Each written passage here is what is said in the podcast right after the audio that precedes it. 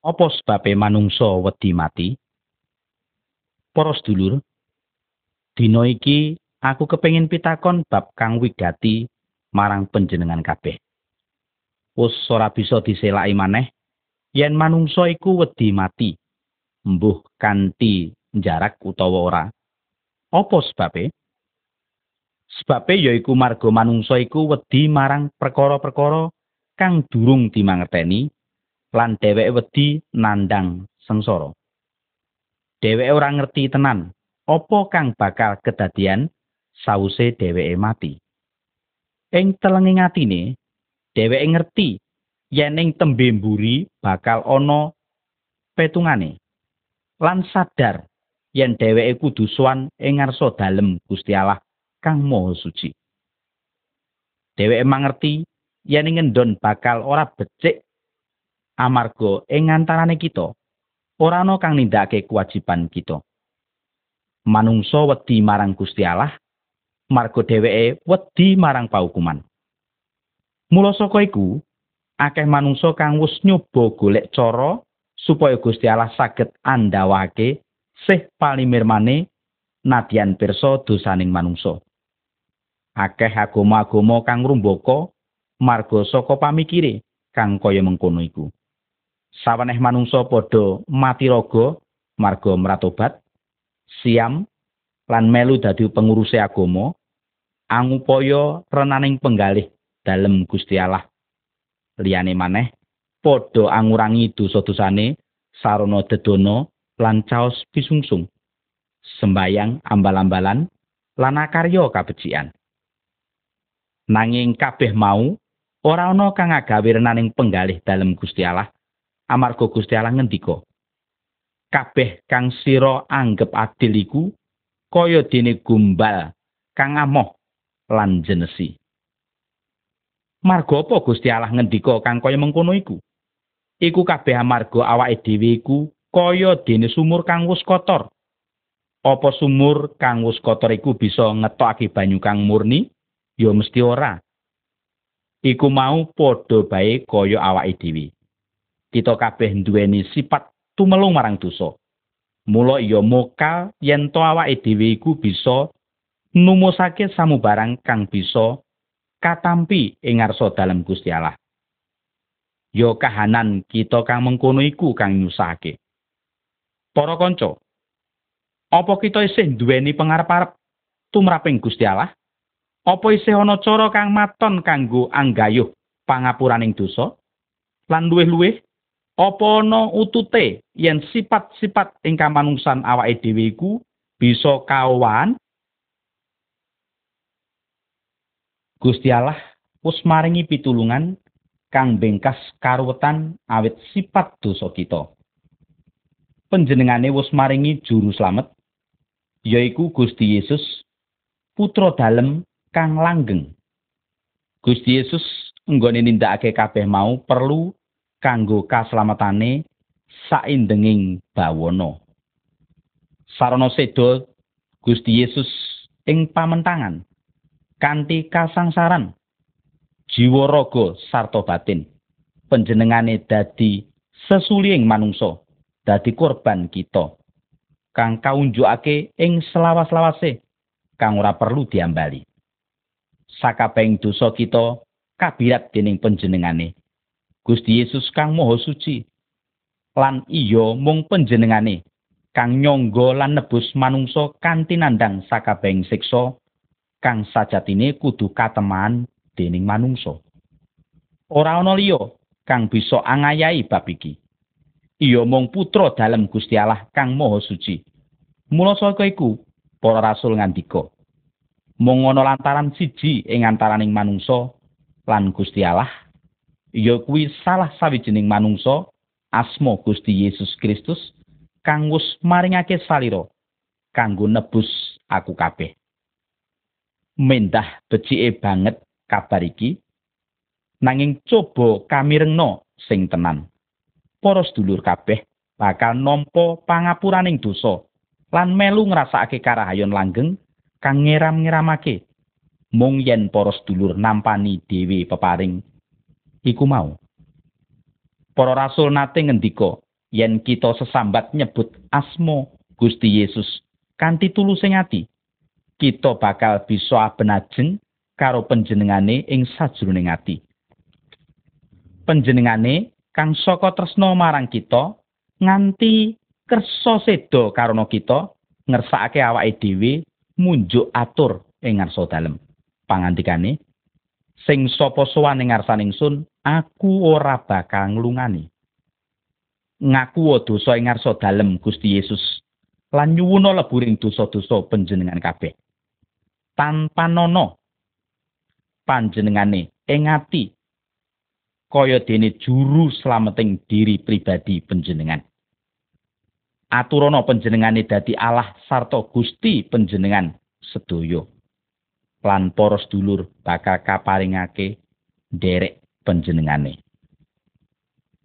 Yen para sedulur saguh ngestokake apa kang dadi karso dalem panjenengan yaiku Gusti Yesus panjenengane bakal nunggal karo panjenengan selawas-lawase.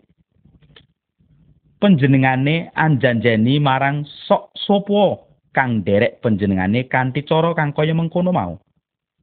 Samangsane dheweke tilan donya bakal tumuli kapundhut gesang sesarengan Gusti Yesus ing swarga selawas-lawase. Amin.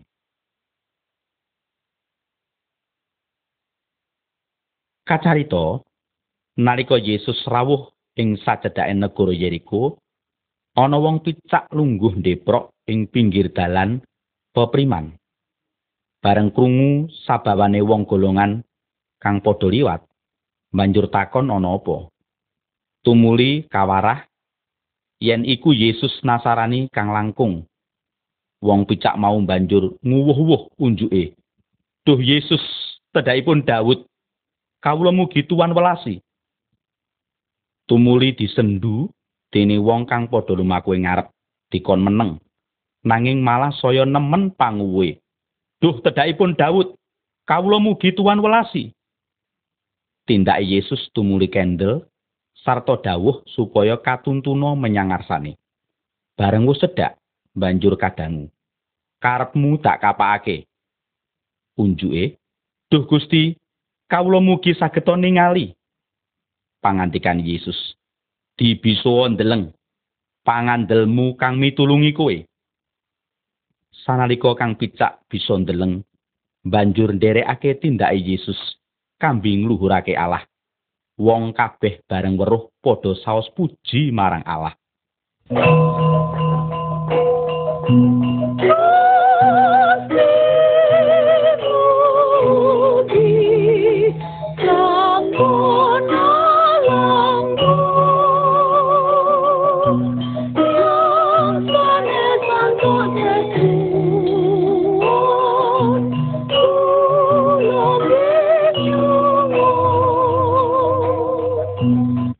Yesus bareng mebet ing negara Yeriko nratas tindake.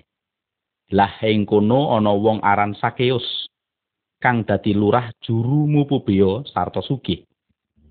Iku ngarah bisa ndeleng marang Yesus kaya apa warnane. Nanging ora bisa marga saka cendheke deteke kaling-kalingan wong golongan. Mulane lumayu ndisiki banjur menek ing wit sikmah supaya bisa ndeleng. Awit ing kono kang bakal dilangkungi.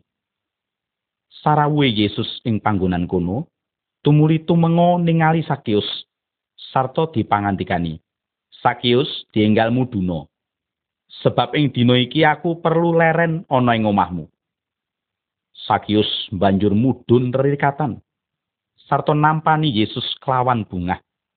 Wong kabeh bareng weruh banjur padha pating kedumel. Pangucape, teka karsa lumebet leret ana ing omahe wong dosa. Sakius tumuli maju sarta munjuk marang Gusti. Gusti, lah sabarang gadan kawula sepalih, kawula sukaaken dhateng tiang miskin. Sarta menawi wonten tiang ingkang kawula pendeti punapa punapanipun, srana paekan. Punika kawula wangsulaken tikel sekawan. Yesus banjur ngandika, "Ing dina iki omah kene ketekan karahayun." Marga wong iki iya anake Abraham. dene tekane putrane manungsa iku goleki lan mitulungi rahayu kang ketriwal. Pak, menapa panjenengan purun nyritakaken dhateng kula? Menapa ingkang kedah kula ayahi supados kula saged lumebet dhateng swarga?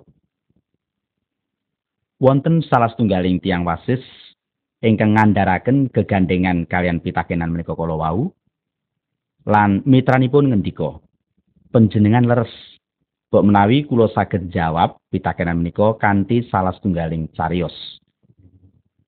Saupami kula lumebet wonten ing kunjara awit kalepatan kula ingkang ageng lan kula boten wonten pangajeng-ajeng malih. Salah setunggaling dinten putra panjenengan marek lan matur. Pak, kanca kula lumebet ing kunjara awit kalepatanipun. Menapa panjenengan boten saged ngapunten? Lajeng panjenengan jawab, "Anakku, aku banget nresnani wong iku. Lan aku ora kepengin yen wong iku mlebu ing kunjara. Nanging aku ora bisa ngapura dheweke. Yen aku ngapura dheweke, aku disalahake dening wong akeh. Aku kudu tumindak adil." Lajeng putra panjenengan matur malih, "Pak, menapa panjenengan marangaken menawi kula nebus kalapatanipun?" supados tiang menika kabebasaken. Raja menika ngandika, "Iya anakku, aku ngidinake kowe nebus kesalahane wong iku. Yen dheweke gelem nampa, iya bakal dak bebasake." Putra raja kala wau lajeng bayar denda kalepatanipun sederek kala wau lan nampi tondo bebas kangge mitranipun. Lajeng piyambakipun datengi kula ing kunjara lan nyeritakaken menawi kula sampun bebas. Piyambakipun nedahaken tondo bebas kula kala wau. Menapa jawaban kula? Menapa inggih kula badhe jawab kanthi angkuh? Ora. Aku ora bisa nampa iki. Aku ora kepengin kepotangan marang wong liya. Ah, ora. Aku ora bisa nampa iki. sebab aku wis kapatrapan dadi wong salah. Lan aku ora kepengin ngremehake putra raja mitraku iku mau. Yen nganti aku kondo, ah ora. Aku ora bisa percaya bab iki. Bab kaya ngene iki ora tinemu ing nalar. Tanpa pangandel ing saklebeting manah, boten badhe wonten kebebasan. Saupamiyo kula sampun wonten ing griya kula piyambak. Kula taksih tetep kados dene tiang ingkang kakunjara. Ajrih medal, ajrih menawi kula kacepeng malih dening polisi lajeng kalebetaken dhateng kunjara malih. Utawi sak sampunipun kula mirengaken bilih putra raja menika kala wau sampun bebasaken kula. Kula lajeng sujud wonten ing ngersanipun putra raja kala wau lan matur gunging panuwun. Kula matur mekaten. Duh pangeran, kula mboten wonten menapa-menapa kangge bales budi panjenengan ingkang ageng menika. Namung wonten gesang ingkang kula sumanggaaken dhateng panjenengan. Lajeng kula saged ngraosaken agenging kabingan awit kula sampun kabebasaken. Boten namung menika, wekdal kula wangsul dhateng gubuk kula, Putra raja kala wau mbekta kula marek dhateng ramanipun lan matur mekaten. Rama, keparengu tiang menika dados sederek kula kados dene sederek tunggal bapa ibu lan anggadhahi kalenggan sami kalian kula. Semanten cariyos kula cariyos sing nggambaraken bilih Allah menika kados dene raja lan Gusti Yesus Kristus menika putra Allah ingkang sampun nebus kalepatan kita kanthi rahipun piyambak. Kula pitados bab menika lan saestu sak menika kula dados tiyang kang bebas lan kula dados putranipun Allah. Inggih menika kabingan ingkang sejatos lan tujuaning gesang kula supados kula saged dados kamulyaning Allah lan ngaturaken sedaya pamuji kagem Allah inggih Allah ingkang sampun maringi anugerah kangge kula. Menapa ingkang sampun katindakaken dening Allah kangge kula inggih menika ingkang katindakaken Allah kangge sedaya tiang ingkang sampun dumawah ing dosa. Sedaya kaparingan pangapuraning dosa. Sedaya tiang ingkang nampi pangapuraning dosa inggih badhe ngraosaken kebebasan. Inggih kanthi pangapuraning dosa ingkang saking Allah menika panjenengan saged lumebet dhateng swarga.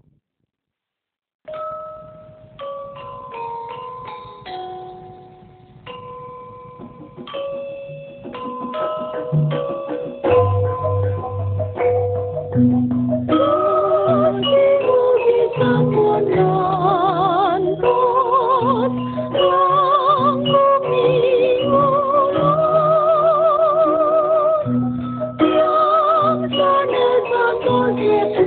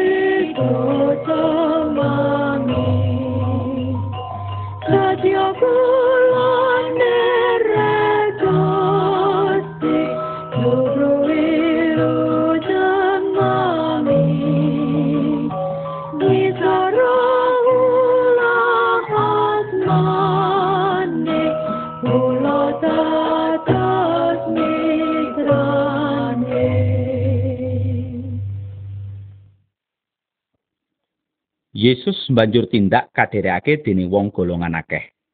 Tumuli minger sarta ngandika marang wong mau. Menawa ana wong kang marek marang aku, mongko ora negake marang bapa lan biyunge, marang anak lan bojone, apa dene marang sadulure lanang utawa wadon, malah dalasan marang nyawane dhewe, iku ora bisa dadi muridku. Karo dene sing sapa ora manggul salipe lan ngetut mburi aku, iku ora bisa dadi muridku.